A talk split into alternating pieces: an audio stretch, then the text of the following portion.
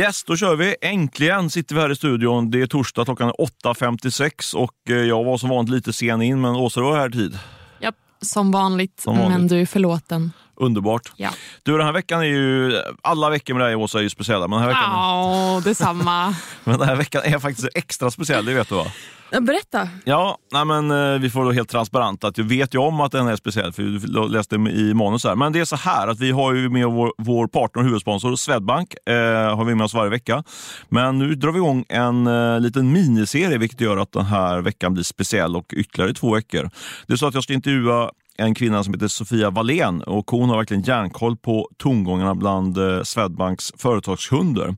Eh, så jag kommer att snacka med henne om eh, läget inför den här, de här tuffa tiderna som i alla fall jag tror vi står inför. Och hon kommer också ge en hel del konkreta råd då, som man som både som entreprenör men eh, alltså som, eh, som vanlig gammal hederlig företagsledare kan ha nytta av. Så där tycker jag att vi ska, eller inte vi, ni ska lyssna in rejält i slutet av podden. Men först ska vi prata om vilka intressanta möten vi har haft i veckan. Och jag tänkte att du skulle börja Åsa. Ja, men det gör jag så gärna. Jag har haft ett jätteintressant möte. Ja, spännande. Eh, med en människa. Mm. in- Ing, ingen bok, ingen, Ingen bok, årsredovisning. ingen årsredovisning och inte på sms. Nu var jag ute i vad som kallas den verkliga världen. Härligt. Ja, det var inte jättelångt från där vi sitter, det var så här 700 meter att gå. Men jag träffade Linnea Kornhed eh, Falk som är medgrundare, eller lite doldis medgrundare av bolaget Enride. Henne har jag också träffat. Ja, vi har pratat om henne tidigare, eller du har pratat om henne tidigare Mm. Precis. i podden. Och eh, då blev jag Ja, jag, jag, jag blev lite ställd av det du berättade då. Och, eh, så jag tänkte att jag kommer inte bli så ställd nu när jag träffar henne. Men det blev jag. Mm. Eh, och, eh, ja, enkelt förklarat då, vad Enride gör är att de har skapat teknik för självkörande och eldrivna lastbilar. Och vi träffades nu i eh, måndags i, på deras kontor här i Stockholm i iSettles gamla lokaler faktiskt. Mhm. Historisk mark kan man säga. Historisk exakt. techmark. Ja, väldigt, väldigt techigt. Mm. De hade fortfarande det här, alltså de har ju väldigt många anställda nu, närmare 500, men de hade fortfarande kvar den här vad ska man säga, startup-känslan i lokalerna. Det var det här obligatoriska pingisbordet, det var liksom ytor för att hänga med kollegor och sådär. Just det. Eh, så att, ja, man märkte att de, hade, de, de ville hålla kvar i startup-känslan på något vis tror jag. Eh, men det är ju verkligen ingen startup längre. De eh, har ju precis skrivit in i Tyskland bland annat och eh, förra året tog de in en miljard i riskkapital eh, av bland annat Northzone. Så att det hände mycket där. Men eh, varför jag blev så berörd då var för att vi snackar ju väldigt mycket elektrifiering, väldigt mycket tech och eh, så kom vi in på lite jämställdhet också. Och jag blev rätt berörd av det här för att dels tänkte jag så här, okej varför syns inte hon mer? Hon är ju lite av en doldis liksom, i det här. Varför hon inte eh, ansiktet utåt mer än vad hon redan är. Och jag tycker inte att hon är det. Det är mer då hennes, eh, hennes man och medgrundare som heter Robert som är det. Ja, vi snackade om det. Hon har ju egentligen alla epitet som krävs. Uh, ung, uh, kvinna uh, i ett väldigt framgångsrikt bolag. Eller i alla fall eh, spännande och hett bolag. Precis. Till massa riskkapital och så. Med, en väldigt intressant teknik som kan vara en liten, liten ehm, eh, del av räddningen av världen utifrån ett impactbolag då med, jobbar med elkörare, ellastbilar. Ja men exakt. Så min fråga till henne var då att vore det inte gyms, gynnsamt för ett sånt bolag som de är i techsfären att visa att de har en kvinnlig medgrundare? Mm. För det tyckte jag var lite uppenbart. Men Verkligen. där fick jag svar på tal. Ja, och sån då? Och då berättade hon dels det här som du nämnde förut att hon har varit med om att en investerare har sagt till henne att nej, men hon inte är en likvärdig som medgrundare för att hon är kvinna. Liksom. Eh, så i Just den här det. branschen har det verkligen inte varit till fördel att vara kvinna och ganska ung dessutom. Och de, de tog ju självklart inte in den här investeraren för de tyckte att det här var ju helt galet. Eh, men hon berättar också att hon har varit med om i, eh, i USA när de har varit ute och försökt locka Eh, investerare och kapital att nej men investerare inte vill ta henne i hand när de hälsar. Eller signalerat att nej men hon ska inte sitta vid mötesbordet när de pratar om, om, eh, om cash och om bolaget utan nej men hon kan sitta en liten bit bort. Men det där tyckte jag var så, jag vet, för hon sa det till mig också, just det här med att ta i hand, det där fattar jag aldrig riktigt. Vi pratade faktiskt jag och hon om det lite grann, vad, Mm. det, vad, det, vad det stod för. Liksom. Funderade liksom, har det något med deras religion att göra? Eller var, liksom, eller var, eller var det liksom att de bara negligerade henne och inte ville titta? Eller trodde hon var någon liten assistent? nej, nej, liksom, alltså, nej, nej det, här, så det här är ju tech dudes investerare i Silicon Valley. Jag tänker att visst det är olika kulturer men så mycket skiljer sig det inte i fråga om man hälsar och tar i hand. Ja, men jag menar, muslimer tar ju inte hand. Ju. Nej, precis. Ja. ja. nej, det var ingenting sånt av vad jag nej. förstod i alla fall. Nej. Ja, men, det kanske bara var att de trodde hon var någon assistent. Liksom. Hon får sitta där borta i hörnet. Liksom. Ja, men det är så här, hon var ju ändå medgrundare. Ja, ja liksom. nej, men det är ju sjukt. Det, det är jag helt tänker, bara försöka, försöka fatta vad, hur, hur det gick till. Liksom. Ja. ja. precis. Men hon sa ju det att det är en så otroligt tråkig attityd och, och hon sa att nej, men, om vi ska ha en chans och, och lösa några av vår tids största frågor som behöver dumpa hela den här machokulturen då, som, hon, som hon menar att det finns. Eh, och bara låta dem som kan göra jobbet göra jobbet oavsett om du är man, kvinna, hur gammal du är, vart du kommer ifrån. Liksom, och det, det känns så liksom givet att självklart ska det vara så. Men icke. Superintressant och upprörande såklart. Men, eh, och, satt du bara och pratade med henne inför podden eller kommer det bli någon, någonting på sajten också? Mm, Säger lite gl ledande. Glad att du frågar. Ja. Eh, nej, det kommer absolut komma en, eh, ett långt reportage och intervju med henne i helgen på söndag. Så håll ögonen öppna eh, på break.se.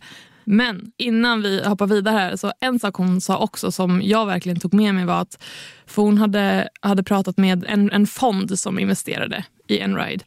Eh, och hon hade varit på middag eller i något sammanhang och pratat med de här personerna som jobbar med den här fonden och de hade frågat henne om man kan det inte vara lite jobbigt ibland att vara i din sits. Liksom. Eh, och hon sa att, eh, nej att hon ibland kan känna att hon inte presterar tillräckligt för att sitta på den här höga stolen som hon faktiskt sitter på. Och Det lät ju så här, ja, nej men så ska man ju inte känna, även om det är klart att man kan få sånt till och från. Mm. Men så säger hon att då fick hon det bästa rådet av de här personerna som hon någonsin har fått. Och då sa de så här, vet du vad? Du behöver inte alltid prestera. Ibland ska du bara sitta i den där himlastolen och sitt still. Du kommer kunna hantera resten över tid. Och Det kändes så himla skönt och jag tycker att det ligger så väl i tiden nu också för att det är så stormigt på så många håll. Man vet inte riktigt vad det är som sker och man vill agera och göra saker och fixa saker. Men ibland så behöver man bara sitta still och se vad som händer och agera därefter. Liksom man behöver inte vara så på hela tiden. Ja, Bra, intressant råd. Ja, ett, eh, ett starkt möte för min del den här veckan och eh, som sagt, läs intervjun på Breakit på söndag. Vad har du haft för möte? Då? Jimmy Jakobsson på Engager.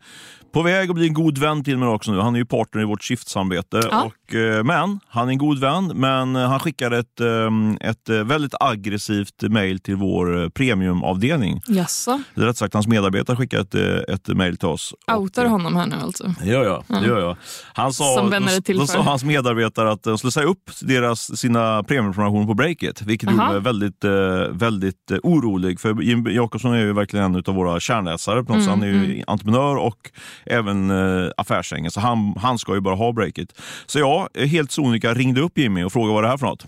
Och då fick vi faktiskt en ganska, fick jag, tycker jag, en ganska intressant eh, spartips i dessa tider som jag ändå är lite skakad, som du var inne precis på. Ja. Eh, för han sa så att han, han hade gett instruktion till sin, sina med, sin medarbetare, då, sin ekonomiperson, där, att eh, skicka till alla leverantörer, säga upp alla avtal med alla leverantörer i princip.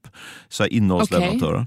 Eh, och så sa han liksom att... Eh, alltså vänta, innehållsleverantörer, vad, ja, men Det vad kunde vara liksom så Salesforce eller, eh, eller någon, um, någon olika marknadsföringsprogram och mm, vad det nu okay. var. Liksom sådär. Och då tidningsprenumerationer till mm. exempel.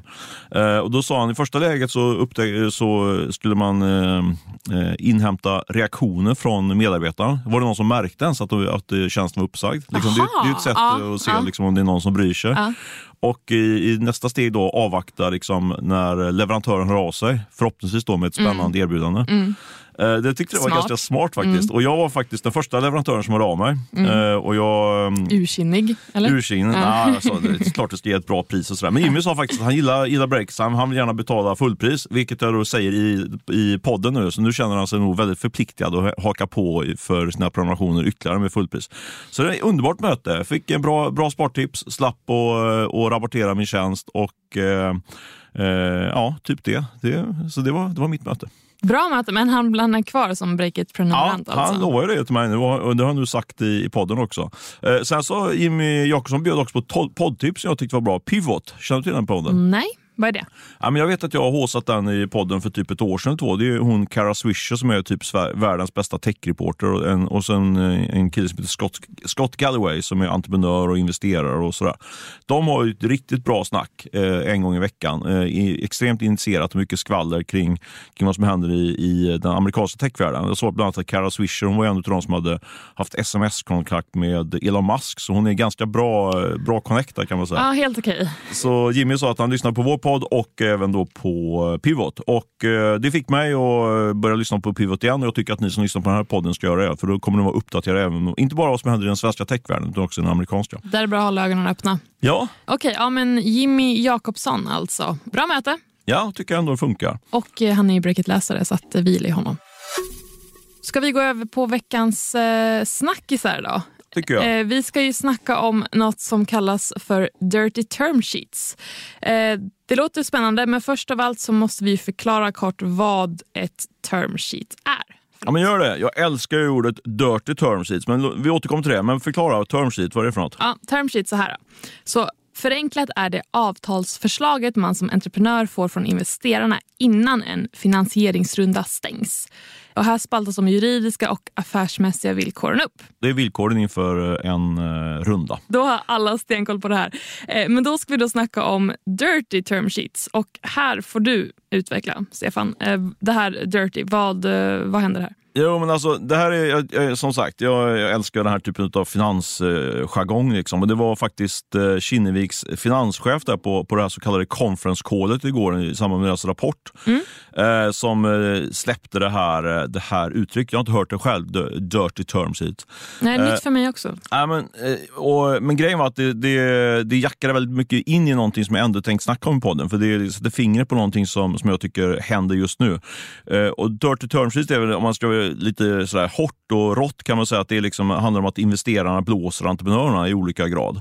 Eh, mjukare uttryck kan man väl säga att det är ett tecken på att eh, den här maktbalansen som varit inne tidigare på mellan investerare och entreprenörer ännu, har skiftat ännu mer till, eh, till investerarnas eh, eh, favör kan man säga.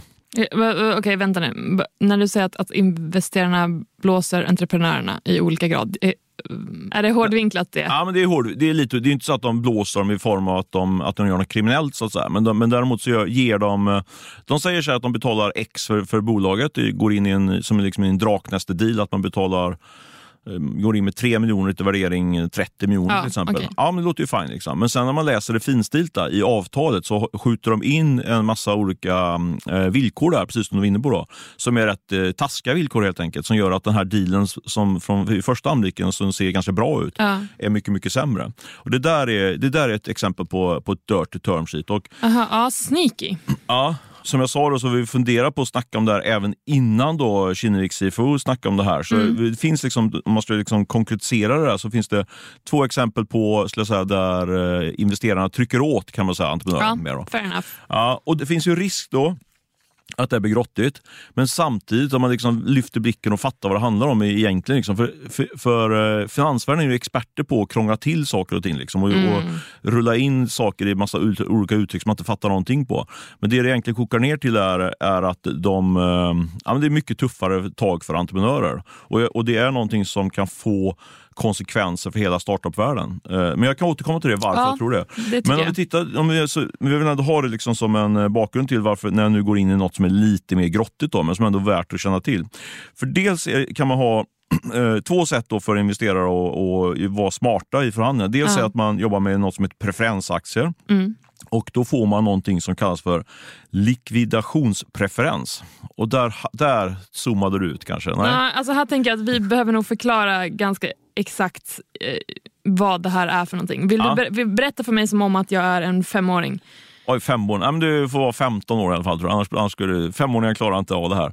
Ja, kanske som fem. Ja, vi, får se. vi får se. Det är en bra, okay. bra utmaning. okay, vi säger 15. Ja, här, man kan säga, vi säger inte femåring då. Då säger vi så här, då, då, då, då, då säljer femåringen... Eh, då, nej, nu blir det rörigt här. Men alltså, eh, företag tar, när du går in som investerare så plockar in, går du in med exempelvis 100 000 i ett företag. Mm. Eh, och så går du in till en ganska hög värdering.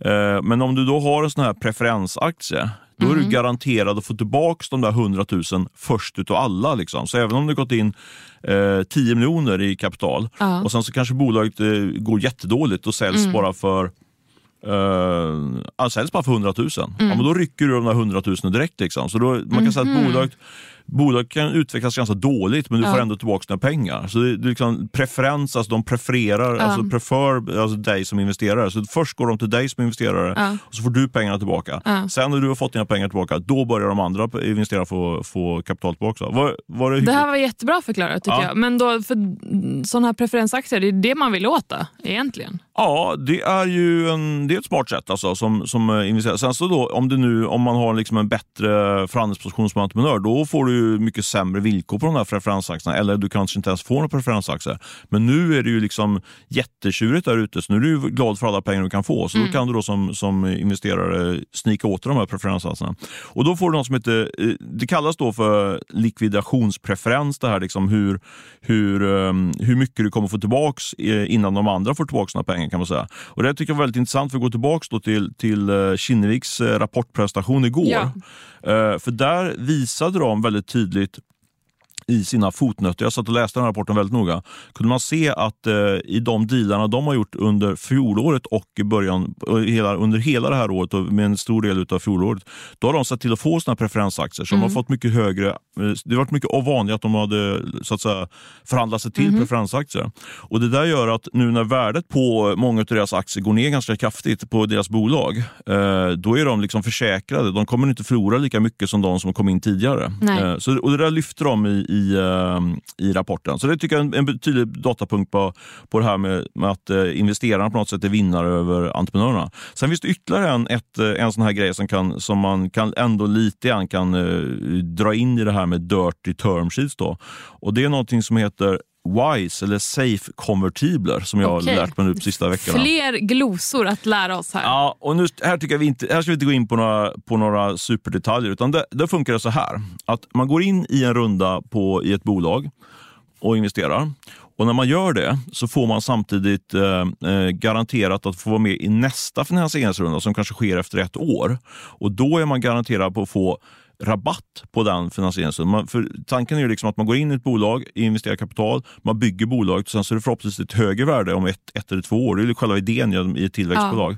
Men här blir man då garanterad att man får en rabatt då i nästa runda. Och den där rabatten den har ökat. Förut fanns den knappt, men nu har den ökat, till, som jag har pratat med flera investerare, att de får något så här 20-30 procent på i nästa runda. Så det är också en sån här grej, ett tydligt tecken på, på maktförskjutning då, som jag, som jag tjatar här med en dåres envishet.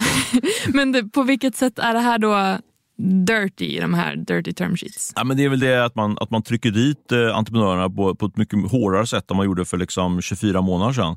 Och Det jag hör från, från eh, både, framförallt investerare men också entreprenörshåll det är att eh, det är särskilt är det då utländska investerare som ställer de här tuffare villkor. Och Varför gör de det? då? Jo, för de kommer, på ett sätt kan man säga att de bara dump, dimper ner här i Stockholm och sen så drar de. Ju liksom. Men de som är lokala aktörer, liksom Ish, Norson, Creandum, de ska ju ha en relation under många, många Ja, år med ja. entreprenörerna.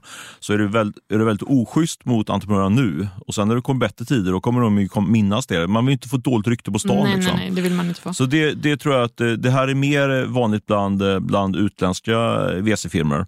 Eh, och jag vill också uppmana alla, alla som lyssnar här att hör gärna av er med, med exempel på det här med dirty term sheets och eh, i bred bemärkelse. För det här kommer vi inte släppa, det här kommer vi skriva mer om tror jag. Det kommer vi göra och Ja. ni når oss på podcast.breakit.se. Helt rätt. Men du, fråga, du nämnde det här finstilta. Är det svårt att förstå det finstilta? För om du säger att investerare liksom trycker dit entreprenörer och är lite halv, eh, halvfula kanske i viss bemärkelse. Går det inte att se igenom det om det ändå står i avtalet eller är det något så jättemäckigt som man är så här, okej jag har läst och förstått villkoren, checkar det i rutan och sen så går man vidare och sen så oj det blev inte så bra. Ja, men de här avtalen kan ju vara väldigt, väldigt långa och på engelska och svårt att förstå. Liksom så här. Så, nej, jag tror absolut det kan vara, självklart har ju, om man är på en viss nivå så har man ju juridiska ombud och sådär. Men så är det ju ibland. Den smartaste advokaten vinner. Liksom. Ja. Sådär. Så, det, så mitt råd är ju liksom egentligen inte gå in i sådana alltså Det är mycket enklare att köra med stamaktier och bara liksom enkelt och rakt. Liksom. Så kan man liksom hamna, lyckas förhandla sig till det så tycker jag att det är det man ska göra. Men jag pratade med en stor investerare igår faktiskt mm. som, som också tycker så att man ska vara fair mot entreprenörerna. Man ska, man ska inte hålla på med sådana här typen av avtal. Men, sa han, la han till, liksom, men för jag och min partner vi börjar faktiskt fundera på om vi inte ska börja med, med preferenser också. Och så där, för det, det är liksom börjar bli någon form av standard på marknaden. Liksom. Så han måste också vara med i det här spelet. Liksom. Mm. Om det börjar bli en standard på marknaden, hur, hur har det gått till att det börjar bli en standard? Varför börjar det bli en standard nu och inte tidigare? Ja, men det är precis på grund av de tuffa tiderna. Helt det enkelt. Det. Ja, ja. Man, för, för det här är ett sätt för investerarna att få bättre villkor. Apropå Kinnevik då, om vi ska rulla över på snackis nummer två, eh, så gjorde ju Kinnevik en ganska brutal nedvärdering av sitt innehav i Mathem igår. Eh, och det måste vi prata om. Ja, verkligen. Right? Det var en stor snackis, i alla fall på redaktion måste man säga. Ja, särskilt du och Olle gick igång på det här. Ja. Eh, men innan vi snackar vidare, så lite snabb fakta här. Kinnevik värderar alltså ned värderingen eh, på sin post med över 75 procent och de äger ungefär en tredjedel i det här matbolaget. Precis, så det var ju verkligen anmärkningsvärt måste jag säga. Eh, de gjorde ju, de gjorde ju faktiskt en nyemission eh, så sent som i somras och då fanns det ju liksom inga det var ju rätt tjurigt för dem redan då, men det var liksom just att de, att de har skrivit ner värdet så, på så, så kort tid efter den här nyemissionen, det tycker jag faktiskt är ganska anmärkningsvärt. Har det hänt så mycket liksom, i ett bolag på, på så kort tid? Och Det där var ju någonting som de fick ganska mycket fråga om på, på den här eh, analytikerkonferensen, då, mm. i, igår.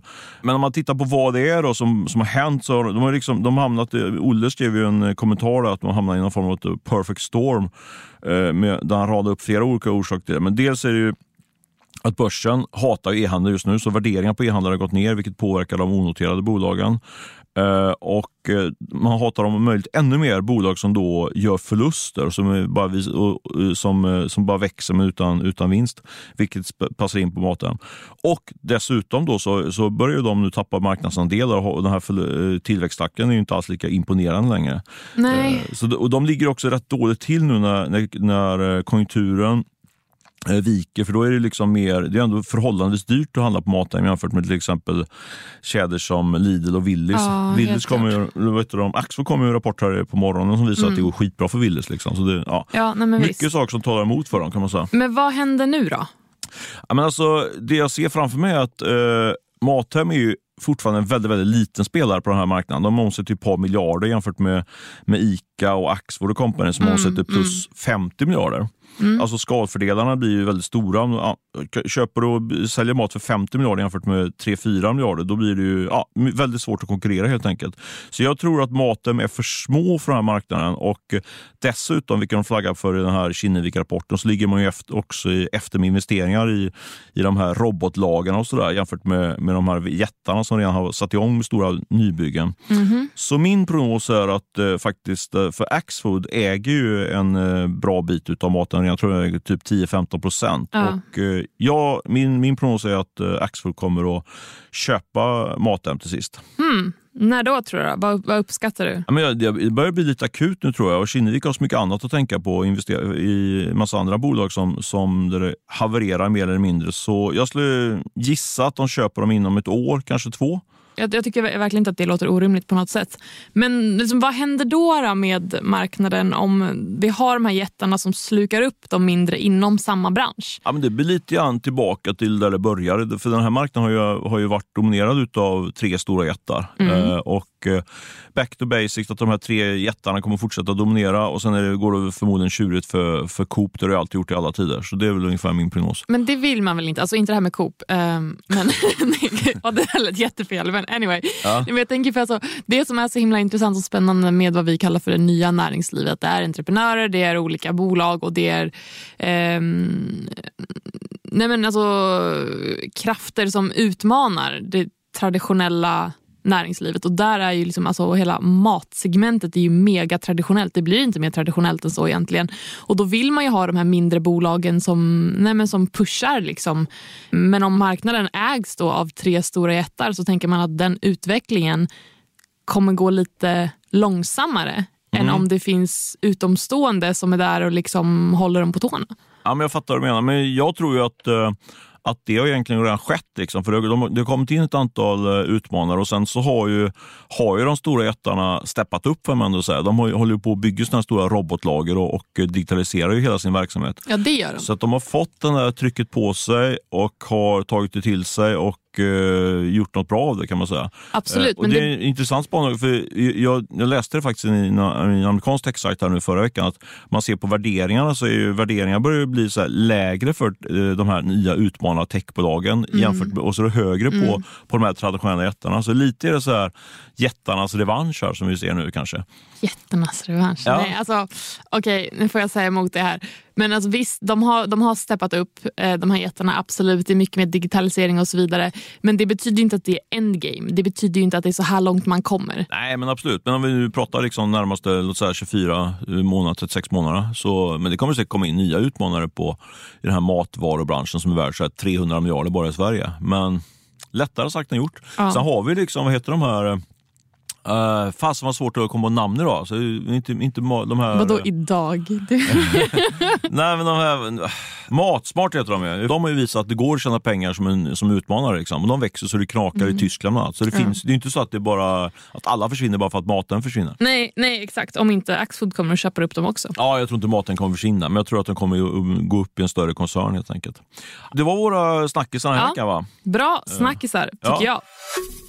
Vi går vidare till veckans köp och sälj, vårt sista segment i ja. den här podden. Vill du köra eller ska jag köra? Nej, men kör du. Jag kör på mitt veckans köp och det är Tiffany Boswell och eh, Natalie Suo. Och vilka är de här personerna? Jo, de har skapat en matchmaking för förbättrad psykisk hälsa. Och Det här är alltså en digital matchmakingtjänst för eh, kvinnor för att eh, matcha ihop de här personerna med eh, en psykolog som man klickar med från början. Man ska alltså inte hamna hos en psykolog och sen så känner man, nej, men vad är det här för någonting? Och sen så går man ett par gånger och så, så hoppar man av liksom, för att man tycker att nej, men det, här, det här var något mambo jumbo eller liknande. Mm. Ehm, och Det här bolaget då som de här eh, har grundat heter eh, Mela. Och då kan jag säga att, att eh, Tiffany Boswell hon var psykologstudent då och eh, Natalie Sue var serieentreprenör. Eh, och de har redan matchat ihop 400 kvinnor då och fått ner antal avhopp till 2% innan då session 3, liksom. alltså tre, kör, tre gånger man kommer så de, Om jag fattar rätt, så dels fyller man i någon formulär så att man ska matcha ihop med, med en, en psykolog som, som, uh, som är på ens egen uh, linje så att säga. Och Sen så kör de i tre gånger och då är det bara 2% som hoppar av mm. som vill byta. Eh, exakt, det är så jag tolkar vad kommer också. Så, vad kommer det sig att det bara är kvinnor som ska vara med på den här matchen? Sen? Vet du det? det vet jag faktiskt inte, men de kanske börjar rikta in sig där och sen så kanske de vidgar. För, För... män måste ju också ha problem att matcha ihop till rätt psykolog jag tycka. Ja, ja, det tror jag garanterat. Människa mm. som människa. Liksom. Det får du gräva mer i Åsa. Det får jag göra. Men ja. Eh, varför också att de är veckans köp då? För att de plockar in 4,5 eh, miljoner kronor nu, bland annat från Per-Jörgen Persson. Heja dem, säger Heja jag. Och vem är Per-Jörgen Persson? Eh, vem du brukar kalla för PJ Nej, jag säger, jag säger Per Jörgen. Alla, alla som tror att de känner honom säger PJ. Men eh, han är ju en av Europas bästa investerare kan vi säga. Exakt. Varit tidigt inne i Spotify och sådär. Yes! Bäsade eh. Spotify-serien såg också på Facebook för han tyckte att det var fel. Så gick eh, den här Spotify-serien på, på Netflix. Ja, men nu är det för sent. Mm, nu är det för sent. Nu är det den sagan folk känner om Spotify. Anyway, vi går vidare till dig. Ja, då kör jag veckans sälj och eh, den här säljen kommer jag faktiskt sätta på en del eh, lite blåögda personer tycker jag faktiskt. Det var mm lite grann det du var inne på i början. Du kanske inte håller med mig där, men jag, jag delade en LinkedIn-post i, i början på veckan där jag skrev om att eh, vi har dragit igång en, eh, en, eh, ny kurs en halvdagskurs eh, som handlar om helt enkelt om, om man nu tvingas säga upp eh, personal mm. när de här tuffa mm. tiderna kommer. Mm. Eh, och jag resonerar lite grann om, om eh, att jag själv kände ångest inför det här. Inte för att vi har några sådana planer, uh, men uh, liksom, om, man ser, om man ser att man är på väg in i en bergvägg liksom, så måste man ha, ha olika handlingsalternativ. Och jag tror många går och oroar sig för det här som entreprenörer. Om vad, vad händer om man tvingas säga upp personal helt enkelt. Ja. Och hur ska man göra det på rätt sätt? Mm. på ett schysst sätt. vi har ju fått här nya LAS och så vidare. ny lagstiftning. Då fick jag en del mothugg där på, på LinkedIn med, med, med eh, argumenten så här lite grann att eh, vadå liksom, det är, det, det är liksom i uppförsbackarna man ska rycka liksom och det gäller att gasa mer och satsa mer på sälj och sådär. Liksom. Okej. Och, och det tycker jag är lite så här, eh, det ska man ju såklart göra också. Man kommer inte, inte så att man, man ska ju verkligen eh, kämpa ännu mer när det, i tuffa tider. Men jag tror att man måste vara lite realist och inse att eh, om ekonomin liksom bara tok eh, vänder neråt, då måste man ju också ta den typen av tuffa åtgärder som, som kan innebära att man får säga upp folk. Men jag tyckte folk är lite så naiva, liksom att de inte tror att det, allt går, att- går att lösa med, genom att man gasar. Så. Vad är sälj då alltså? Det? Det är väl den här eh, lite naiviteten som finns bland vissa entreprenörer tycker jag, där ute. Eh, Att man inte fattar, och det, det tror jag kan bero på att man inte varit med om en lågkonjunktur på riktigt. Men det har liksom bara gått bra, bra, bra under 8-10 år nu. Så det, det var min sälj. Och sen så vill jag, om vi ändå är inne på sälj, eh, så måste jag såklart sälja den här kursen också. Eh, jag, vet, jag vet att det lät som och det var väl ändå ett, ett, ett sätt Stefan. att försöka trycka Ja, in det här. okej. Låt Men jag- höra, låt ja, höra, låt jag, höra. kör, jag kör fort. Eh, det här, en halvdag är det som vi kör den här kursen och det handlar helt enkelt om hur man ska säga upp folk på ett schysst sätt kan man säga. Och man kan faktiskt vara anonym när man går kursen, för det kan vara rätt känsligt om man används Mm. till den här typen av kurser. Eh, och det kostar 2 5 att gå den här kursen, men om man hör av sig direkt till mig på stefanatbreak.se då lovar jag att fixa den här kursen för 2000 spänn. Och jag tror att den är verkligen är någonting att hålla i handen eh, om man står inför eh, personalminskningar. Eh, och skicka till mig då och ni har ju då ett källskydd också som ni kan hänvisa till. Så nu kan man känna er helt anonyma. Jag kommer inte utnyttja det mot er eh, om ni hör av er i detta sammanhang. Tal om sälj då, min veckans sälj då. Eh, ska försöka hålla det här kort. Men eh, jag sätter sälj på Draknästet. Eh, vi har ju snackat mycket om det här, rapporterat mycket om eh, entreprenörer och investerare i det här programmet. Och eh, kan bara säga så här, visst, nu är säsong två eh, slut. Produktionen har onekligen gjort ett jättebra jobb med det här. Man behöver varken vara intresserad av startups eller näringsliv för att underhållas. I alla fall inte under de två första avsnitten, tycker jag. Men sen så, så börjar det kännas eh, platt. Alltså pitcharna avlöser varandra på, på, på löpande band. Eh, vissa får en investering, vissa får inte en investering. Ibland får entreprenörer lite så konkreta råd från investerare, men det är aldrig mer än några meningar. För det har väl, ja, man behöver väl hålla det, hålla det tight och rappt helt enkelt så att mycket klipps väl bort. Och det är flera fall där entreprenörer har tackat ja till en investering som tittarna får se utan men sen så har det inte gått igenom. Det är, det är ju inte, alltså det är snarare undantag än regel här, men det händer ju. Eh, och då tänker man att okej, borde man inte kanske flagga lite för det i programmet att det här hände faktiskt inte av whatever the reason. Liksom. Men såklart också, så, det finns ju betydligt mycket mer än, än eh, så här till entreprenörskap och kapitalanskaffning än vad man får se i det här programmet. Och visst, det är väl kanske givet. Liksom. Men till saken hör också att Alltså precis som under första säsongen av Draknästet, det handlar verkligen inte bara om pengar. Långt, långt, långt ifrån. Eh, med de entreprenörer jag har pratat med så är det så här, och ja, man, man vill komma åt drakarna för deras råd, nätverk och självklart, man vill synas på bästa sändningstid. Eh, så med det sagt så tycker jag att det här programmet är lite väl splittrat. Det handlar inte om att pitcha. Det här handlar om att komma i kontakt med drakarna och det handlar om att synas i tv. Därav, sälj. Sälj. Jag rullar vidare på köp. Jag, håller, jag, jag, det stämmer på mig, för jag såg de första två avsnitten, sen tröttnade jag faktiskt. Eh, Jag var väldigt haussig i början. Men, Mm, eh, ser. Men, men, men, veckans köp. Du, jag har faktiskt, nu ska jag vara eh, snabb, och- snabb och rapp här. Jag, ska Mm. ha, jag har tre veckans köp faktiskt. Tre och så, Ja. så, säger du var snabbare så bara tre. stycken. Ja, men Okej. absolut. Eh, första köpet är på Rickard Lyko, så kommer en grym rapport i veckan eh, på, på hans bolag Lyko eh, som säljer skönhetsprylar och sånt där. Spännande att de eh, som e-handlare verkar ha så bra fart på verksamheten. Kanske är det en vändning för e-handeln, vad vet jag. Veckans köp nummer två eh, sätter jag på Hemnet så kommer rapport nu eh, med vdn Ulrika Bäckfris, tror hon heter. Det är spännande tycker jag med Hemnet, för de tjänar liksom pengar oavsett eh, eh, hur det går. För nu, samtidigt, samtidigt hör man liksom att priserna går ner på, på fastighet och sådär, eller på Ja. bostäder. Men vad händer då? Jo, men då är ju folk tvungna att, att köpa extra exponering på Hemnet för att de ska få kränga iväg sin eh, bostad. Så Hemnet känns som de är vinnare oavsett eh, vad som händer. Eh, underbart att vara monopolist som de är. Och sen sista köpet är på den hemliga eh, investerar han i Rugvista. Eh, jättespännande. Det har dykt upp en ny köpare på, som äger en, eh, uppåt 10 procent där. Eh, där kommer eh, min kollega Martin Hävner berätta mer om sen på, Okej, på sajten. Så det är inte hemligt så länge till? Nej, exakt. Bra. det är bra. Okej, ja men eh, grymt. Bra köp Stefan. Eh, och den här veckan så ska du som sagt bjuda på lite bonusmaterial, eller hur? Så är det, eh, tillsammans med vår kommersiella partner Swedbank. Ja men då så, låt höra. Kör! Tack för det Åsa. Ja, tanken är att vi ska köra en miniserie här i tre avsnitt tillsammans med vår partner Swedbank där eh, vi alla som lyssnar på den här podden ska få lite bättre koll och även förhoppningsvis redskap att hantera den här eh, vargavintern som eh, det sägs att vi står inför. Och till min hjälp här in i denna dramatiska tid så tar jag eh, Sofia Wallén på Swedbank som jobbar väldigt nära entreprenörer och företagsledare i sitt dagliga värv och har bra koll på detta. Eh, välkommen Sofia! Varmt tack Stefan, det är så kul att få vara här. Ja, det är jättespännande. Vi, det är första gången vi ses, men eh, det känns redan bra. Eller hur? Ja. Fantastiskt.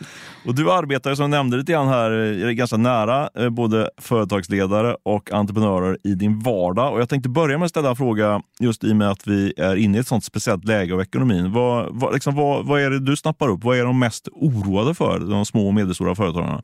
Just ja, nu. alltså det är ju mycket oro där ute och framförallt kopplat till inflationen.